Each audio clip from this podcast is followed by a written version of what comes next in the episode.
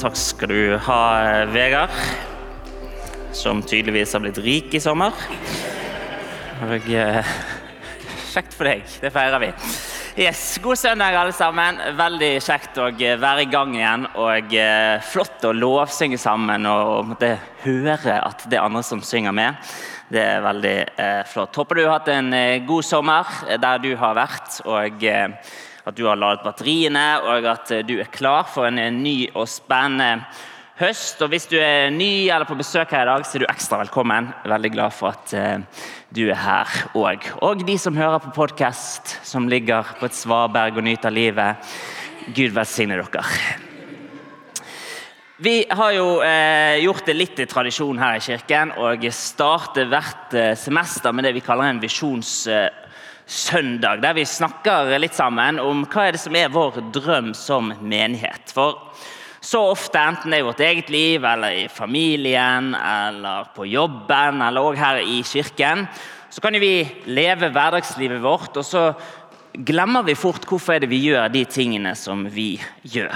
Og Derfor har vi bygget det inn i vår eh, årsrytme som kirke, at vi jevnlig snakker om de tingene som er viktige for oss, og det som er vår drøm, det vi bygger mot.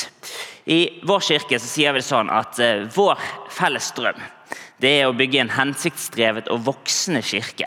Der mennesker utfordres til et liv i etterfølgelse av Jesus, og sammen gjør ham kjent i vår verden. Så Neste uke skal Anna eh, snakke om eh, et liv i etterfølgelse av Jesus. Og så skal Tor Erling snakke uken etter om eh, hva det vil si å gjøre Jesus kjent i vår verden. Og så skal jeg i dag få lov til å snakke om første del av denne setningen. Hva det vil si å være en hensiktsdrevet og voksende kirke. Og For å gjøre det skal vi gå til en tekst vi ofte går til når vi snakker om eh, dette temaet. og Det er Apostlenes gjerninger, kapittel 2, og vers 42-47. Da skal vi lese det sammen. Der står det. De holdt seg trofast til apostlenes lære og fellesskapet, til brødsbrytelsen og bønene. Hver og en ble grepet av ærefrykt, og mange under og tegn ble gjort av apostlene. Alle de troende holdt sammen og hadde alt felles.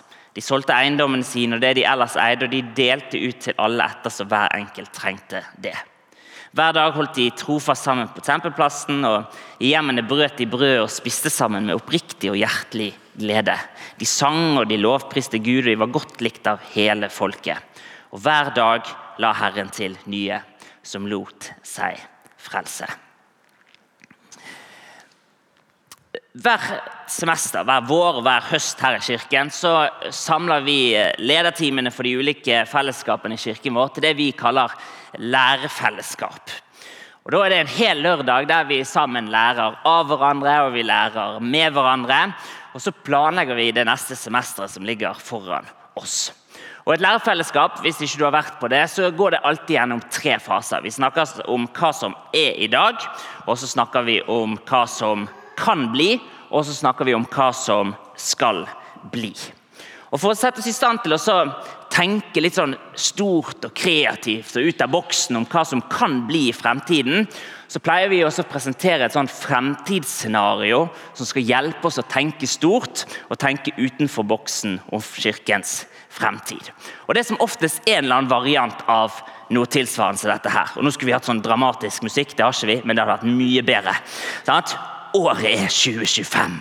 Det har gått fire år siden Bergen frikirke sin lokaler brente til grunnen i en forferdelig brann, og menigheten har ikke kunnet samles til gudstjenester siden den gang. Likevel har Kirken sett en formidabel vekst. 500 nye mennesker er kommet til tro og blitt en del av fellesskapet. Hva har skjedd, og hva har menigheten gjort annerledes siden de mistet sine lokaler? Og Så må lederteamene samles sammen i grupper igjen, og så må de tenke kreativt rundt hva er det menigheten nå har gjort annerledes i en sånn situasjon? I fjor vår da samlet vi òg lederteamene våre til det vi pleier, nemlig lærefellesskap. Men denne gangen var det digitalt. og Tradisjonen tro så hadde vi òg et fremtidsscenario som teamene skulle jobbe med, selv om det denne gangen opplevdes litt nærmere nåtiden enn fremtiden. Det lød noe sånn som det her. Året er 2020. En verdensvid pandemi har nettopp satt en stopper for all aktivitet i Bergen frikirke. Det er ikke mulig å samles til gudstjenester, vi kan ikke møtes hjemme, og myndigheten sier vi skal ikke ha sosial kontakt. Hva skal Kirken gjøre nå? Og plutselig så befant vi oss midt i et sånn type Kirken brenner-scenario. Og Det som før var bare en sånn morsom øvelse for å få oss til å tenke kreativt, det var plutselig realiteten. Men spørsmålet er jo mer relevant enn noen gang. Hva skal Kirken gjøre nå? Mange av de som eh, vokste opp med en kristen virkelighetsforståelse i Norge, har i fall historisk sett vært eh, vokst opp med en eller annen variant av et paradigme som skiller livet i det som er det sekulære, og det som er det hellige, det som kanskje er det som er det åndelige, som vi kanskje ville kalt det, og det som er det materialistiske livet. Og Denne ideen eller dette paradigmet sier at det er noen ting i livet som er hellig eller åndelig, og det er de tingene som Gud er opptatt av. Det handler om å gå i kirken, det handler om å be, det handler om å lese i Bibelen, det handler om å misjonere til andre. Og så er det alle andre ting, de sekulære eller materialistiske tingene. Og De tingene er ikke så viktige for Gud, iallfall ikke i like stor grad. Det handler om å gå på jobb, det handler om å tjene penger, det handler om å bygge seg hus og stifte familie og pusse opp kjøkkenet og dra på ferie og alt det der. Og Veldig mange av oss, uavhengig av om vi ser på oss sjøl som religiøse eller ikke, har en sånn måte å tenke over livene vi lever. Men Problemet derimot med en sånn type tenkning eller sånn type paradigme, det er jo at det gjør det hellige livet vårt til en veldig liten del av kaken. For dersom det er sånn at det å be og lese Bibelen og dele troen og gå i kirken Hvis det er kun det som er åndelig eller hellig, ja, så tilsvarer det kanskje i beste fall 5 for de som er skikkelig åndelige. i alle fall, iblant oss. For det meste av livet, de resterende 95 det brukes jo for de aller fleste av oss på helt sånne vanlige, hverdagslige ting. Vi sover, vi spiser frokost, vi kjører ungen i barnehagen, vi går på jobb, vi henter ungen i barnehagen, vi handler mat på butikken, vi lager middag, vi vasker opp, vi går på trening, vi vasker klær, vi spiser kvelds. Og så ser vi kanskje en eller annen episode av noe døvt på Netflix sånn i halvsøvne før vi siger i seng og får litt krefter til en ny dag. For det meste av livet er jo ganske så dagligdags. Det er jo ikke noe glamorøst eller spektakulært med det. Altså, Man føler jo ikke hver dag at 'nå forandrer jeg verden'. Altså, Vi planlegger og vi svarer på e-post, og noen av oss skrur iallfall på et eller annet Excel-ark. Og med det paradigmet om at det jeg gjør i min hverdag, alle disse greiene her, det er bare noe materialistisk og sekulært.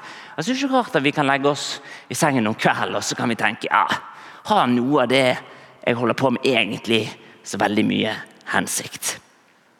Og Nå kommer det kanskje ikke som en overraskelse at jeg tenker at det paradigmet der ikke bare hadde veldig mange dårlige konsekvenser for livene vi lever, men det er helt feil. Så nå skal jeg komme til poenget for de av dere som venter på det. Hvis du leser de tre eh, første fjerdedelene av Bibelen og kjent som Det gamle testamentet, så vil du faktisk ikke noe sted der finne et ord for det som vi kaller åndelig.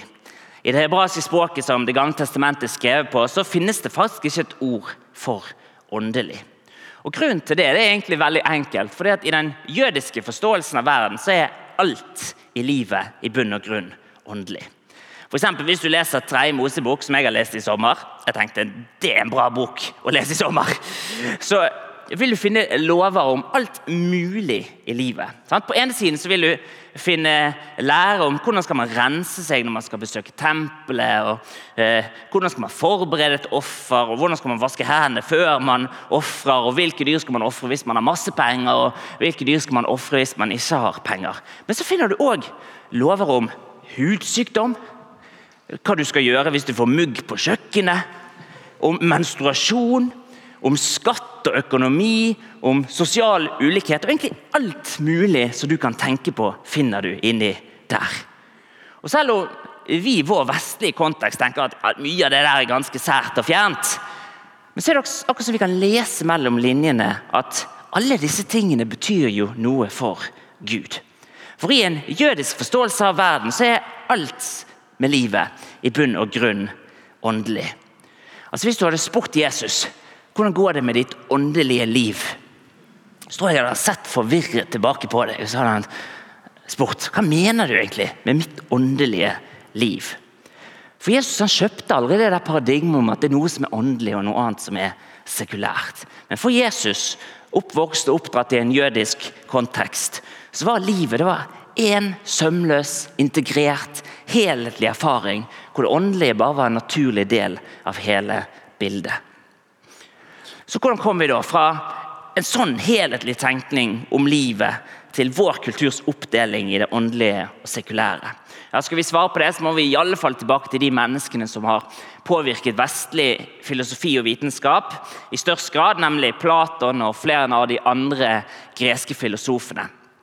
Og disse Filosofene de hadde et dualistisk verdensbilde, som betyr at de trodde på en åndelig verden, og så trodde de på en fysisk verden. Kanskje husker du Platon sin hulelignelse fra tiden du gikk på skolen. Og Filosofene sitt mål var på mange måter å komme seg fra denne fysiske verden over til den åndelige verden.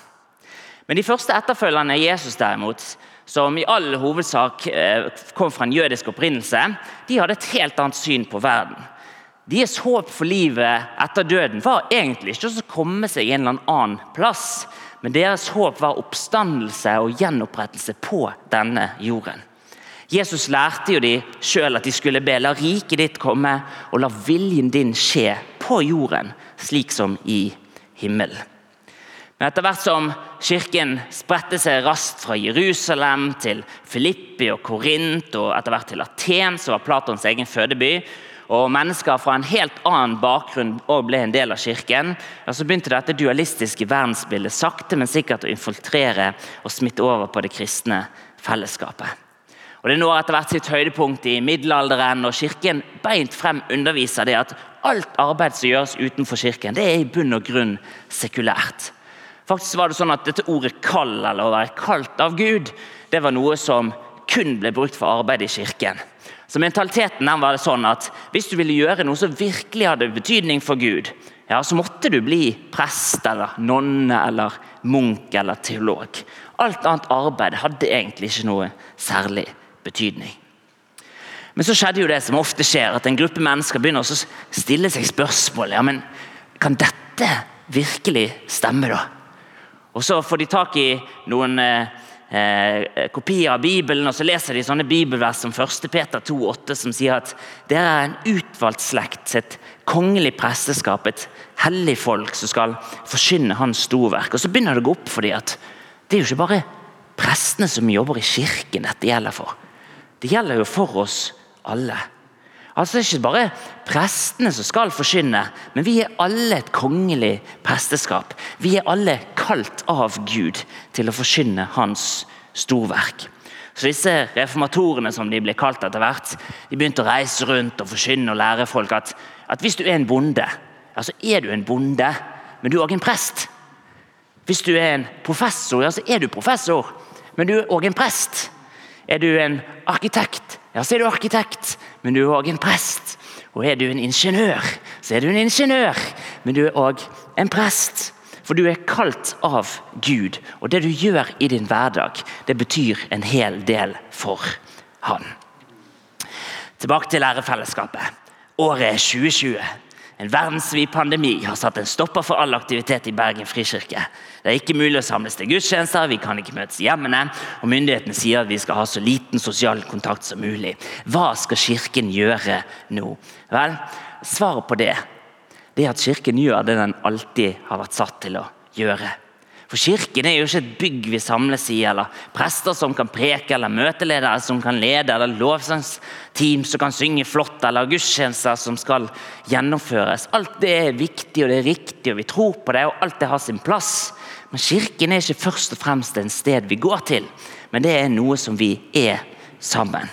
Og Guds hensikter for sitt folk det vil alltid være det samme. Uavhengig av kultur, uavhengig av politisk klima, uavhengig av popularitet. Ja, til og med uavhengig av en verdensvid pandemi. I 1995 så ga pastor Rick Warren ut en bok som eh, etter hvert ble veldig innflytelsesrik, 'Purpose Driven Church', eller 'Målrettet menighet', som det ble hetende på norsk. Hvor han gjør sin sak for at alle kirker er drevet av noe. Han skriver i boken sin at eh, bak enhver kirke så finnes det noen antagelser eller overbevisninger eller drivkrefter som setter fokus for det man velger å gjøre. Det kan være tradisjon, at man ønsker å bevare det som har vært. Det kan være personlighet, at det er pastoren eller en eller annen lederskikkelse som har en personlighet som styrer. Det kan være bygninger, at man er opptatt av å bevare og ta vare på bygget. Det kan være virkegreiene, at man er mest opptatt av koret eller av kvinnegruppen eller søndagsskolen eller ungdomsarbeidet. Det kan være arrangementer, at man bare skal ha en mest mulig full kalender, slik at det skjer noe hele tiden. Og så argumenterer Warren for at fremfor alle disse tingene, selv om ingen av disse tingene nødvendigvis er feil eller ikke er viktig i seg sjøl, ja, så må Kirken dypest sett være bygget på Kirkens hensikter fremfor andre drivkrefter. For alle tradisjoner og alle personligheter og bygninger og virkegreiner og arrangementer, uansett hvor flott de er, ja, de vil på et eller annet tidspunkt forgå. Men Kirkens hensikter vil bestå for alltid. Og I de siste minuttene her så skal vi ut fra den teksten vi leser i dag, se nærmere på hva som er disse hensiktene som Gud har for sin menighet, og som vi ønsker skal drive denne menigheten som vi sammen bygger. Den første hensikten for Guds kirke det er tilbedelse. De holdt seg trofast til apostlenes lære og fellesskapet, til brødsbrytelsen og bønnene. Hver og en ble grepet av ærefrykt, og mange under og tegn ble gjort av apostlene. De første kristne de holdt seg trofast til apostelens lære, til fellesskapet, brødsbrytelsen og bønne. Med andre ord så hadde de noen rytmer som var etablert i etterfølgelsen av Jesus, som hjalp de til å holde han som sentrum av livet. Gjennom å jevnlig lytte til forkynnelse, jevnlig delta i fellesskapet av de troende, jevnlig bryte brødet for å minnes Jesu døde oppstandelse, og jevnlig delta i bønnene som sentrerte livet rundt Gud. Og Det var disse rytmene som de hadde etablert i sin etterfølgelse, som hjalp dem å sentrere hele livet rundt evangeliet om Jesus. Fordi de første kristne som vi har hørt, i all hovedsak var oppvokst i den jødiske virkelighetsforståelsen, ja, så så de på livet som én helhet. En sømløs, integrert og helhetlig erfaring. Så Sammen så søkte de å finne ut av hvordan ser det ut da, hvis jeg elsker Gud med hele meg og med hele mitt liv. De levde i tilbedelse. Den andre hensikten for Guds kirke det er fellesskap. De troende de holdt sammen, og de hadde alt felles, kan vi lese i vers 44. I boken 'The Rise of Christianity' så skriver den amerikanske sosiologen Rodney Stark om den første kristne kirke, og hvordan de vokste de første 300 årene. Og han argumenterer for at veksten som man så, som var ganske imponerende de første 300 årene, det var ikke et resultat av sånne her eh, Brann som vi kanskje tenker at det var. Men han argumenterer for at det var en folkebevegelse. Det var fra hus til hus, det var fra familie til familie, det var fra venn til venn. Og De aller fleste nye religiøse bevegelser de mislykkes jo over tid fordi de fort blir sånne lukkede nettverk der man er mest opptatt av meg og mine. Men Forfatteren av denne boken han argumenterer for at en av grunnene til at kristendommen lykkes, det var fordi de fant ulike måter å åpne opp og sørge for at man ikke ble et lukket nettverk. Istedenfor å lage en sånn kristen boble med meg og mine, så levde de åpne liv der de delte troen med de menneskene som til enhver tid var en del av hverdagen. De levde i et inkluderende fellesskap. Den tredje hensikten for Guds kirke det er disippelskap, eller det vi kaller vekst. Hver dag holdt de trofast sammen på tempelplassen, og i hjemmene så brøt de brød og de spiste sammen med oppriktig og hjertelig glede. Nå sier disse versene noe om konteksten for og forståelsen for disippelskapet i den første kirke. Disippelskapet skjedde sammen med andre mennesker, på tempelplassen og i hjemmene. Og For den første kirke så var jo ikke dette med disippelskapet noe nytt som på en måte kreativt som Jesus kom på. Men dette var jo noe som var en del av deres kultur fra før av, og en helt vanlig måte å tenke på når man skulle lære andre ny kunnskap. Så når en jødisk lærer skulle videreføre sin kunnskap til sine yngre studenter, ja, så samte han ikke de bare i et klasserom, som vi gjør i dag, men han inviterte de også inn i livet. For I den jødiske kulturen så var læringsfilosofien sånn at det var når liv møter liv, at overføring av kunnskap finner sted. Og Det var med den læringsfilosofien at Jesus trente opp sine disipler. Og Det var med den konteksten og den forståelsen av disippelskapet at den kirke, eh, første kirke levde livet sammen. De tjenestegjorde, de delte livet, og Gjennom å gjøre det ja, så formet det en ny livsstil, der de lærte å leve ut det livet som Jesus hadde kalt dem til å leve. De levde i vekst. Den fjerde hensikten for Guds kirke det er tjeneste. Det står det at De solgte eiendommene sine og det de ellers eide, og de delte ut til alle ettersom hver enkel trengte det. I Apostelens gjerninger så er det interessant å legge merke til hvis du leser videre utover i denne boken, at eh, kirkens raske utbredelse i de første hundre årene så var disse apostlene og lederne de var mye mindre involvert enn hva man kanskje skulle tro at de var. Første gang evangeliet går utenfor Jerusalems grenser, så kan vi lese at alle apostlene er igjen i Jerusalem. Og Når menigheten i Antiokia blir plantet, så er det noen ukjente menn. og Det er kun ved et senere tidspunkt at Barnabas blir sendt dit for å se hva som skjer.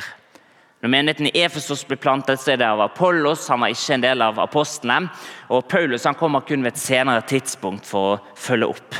Og Når menigheten i Roma blir plantet, så er det også av noen ukjente menn. og Det er kun ved et senere tidspunkt at Paulus også kommer dit. Forfatteren av Apostlenes gjerninger han er veldig tydelig på det. At Kirken den gikk raskere frem gjennom helt vanlige folk som deg og meg, enn via disse fulltidskristne lederne. Fordi at Vi er jo alle sammen kalt til å tjene Gud med våre liv. Det er ikke noe som er avgrenset til én type profesjon, men vi alle sammen kan leve liv der vi tjener Gud ved å tjene vår neste. Enten det er som lærer, eller som ingeniør eller butikkmedarbeider eller som en nabo. De levde i tjeneste. Og til slutt, den femte hensikten for Guds kirke er evangelisering med en G i bunn.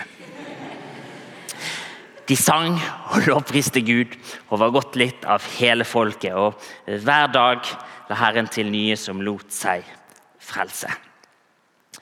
Du vet at når Jesus skulle bane vei tilbake til Gud for menneskene, så kunne han gjort det på veldig mange ulike måter. Men det at han ble en av oss, det at han tok bolig blant oss, det at han flyttet inn i nabolaget, sånn som det står i en oversettelse, ja, det burde radikalt forme vårt syn på hva det vil si å være en kirke. Missiologen Alan Hirsch skriver i sin bok The Forgotten Ways at inkarnasjonen kvalifiserer ikke bare Guds handlinger i verden, men må også kvalifisere våre.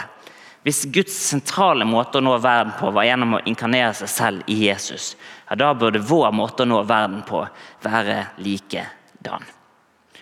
Når Jesus kom inn i verden, så var ikke det bare en identifikasjon med menneskene som helhet, men det var til en bestemt gruppe mennesker i en bestemt tid. Og At Jesus var i Nasaret i 30 år med denne gruppen mennesker uten at noe veldig spesielt skjedde, det sier veldig mye om hvem Gud er, og hvordan han involverer seg med mennesker. Og Slik var det òg med den første kirke. Jesus sendte jo ikke de ut av denne verden, men han sendte de inn i denne verden for å leve et annerledes liv. Og Ved å være til stede ja, så åpner mulighetene seg for at evangeliet kunne gå videre. Det er mange ting som kan drive en kirke som vår, men disse fem hensiktene er det vi drømmer om skal være vårt fremste kjennetegn. Tilbedelse. At vi søker å elske Gud som hele mennesker, med alt det vi er. Fellesskap. At vi gir oss til og forplikter oss til å leve livet sammen. Vekst. At vi lærer å bli lik Jesus ved å leve nær ham og leve som han tjeneste, at vi tjener våre omgivelser ved å gi av det vi har fått. Og evangelisering. At der vi lever livene våre, ja, så kan vi være formidlere av verdens beste nyheter. En sånn kirke, det drømmer jeg om.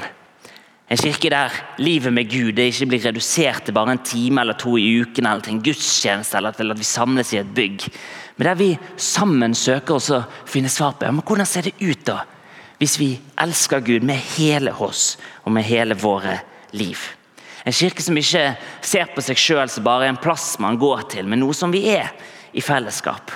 Mennesker som lever hele liv og som bringer Guds rike nær til arbeidsplasser og til studiesteder og til familier og til nabolag.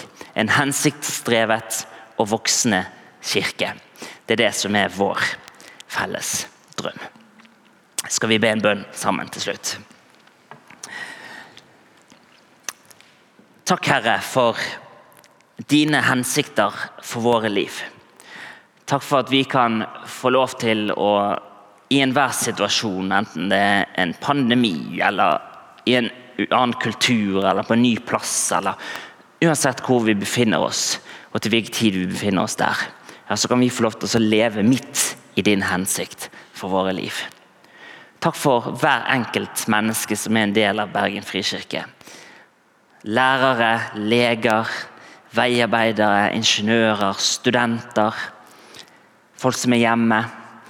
Jesus, takk for det at hver enkelt av oss er kalt av deg. Kalt til å være ditt hellige presteskap, som kan få lov til å formidle de gode nyhetene om hvem du er, til alle mennesker der vi lever. Så vi ber Jesus for denne høsten her, sånn som vi alltid ber på starten av et nytt semester. At vi alle må få lov til å være med. At ikke vi må falle for fristelsen og tenke at jeg er ikke god nok for det, eller jeg kan ikke være med på det, eller det der er bare for de spesielt flinke. Men at vi alle sammen må få lov til å se at vi er kalt av deg. Og at det vi gjør med våre liv, det er utrolig betydningsfullt. Så jeg ber Jesus om at vår felles drøm det må også være at alle sammen drømmer. At alle sammen drømmer om hva mitt liv kan bety for deg og for de menneskene som er rundt oss. Det ber vi om i ditt navn. Amen.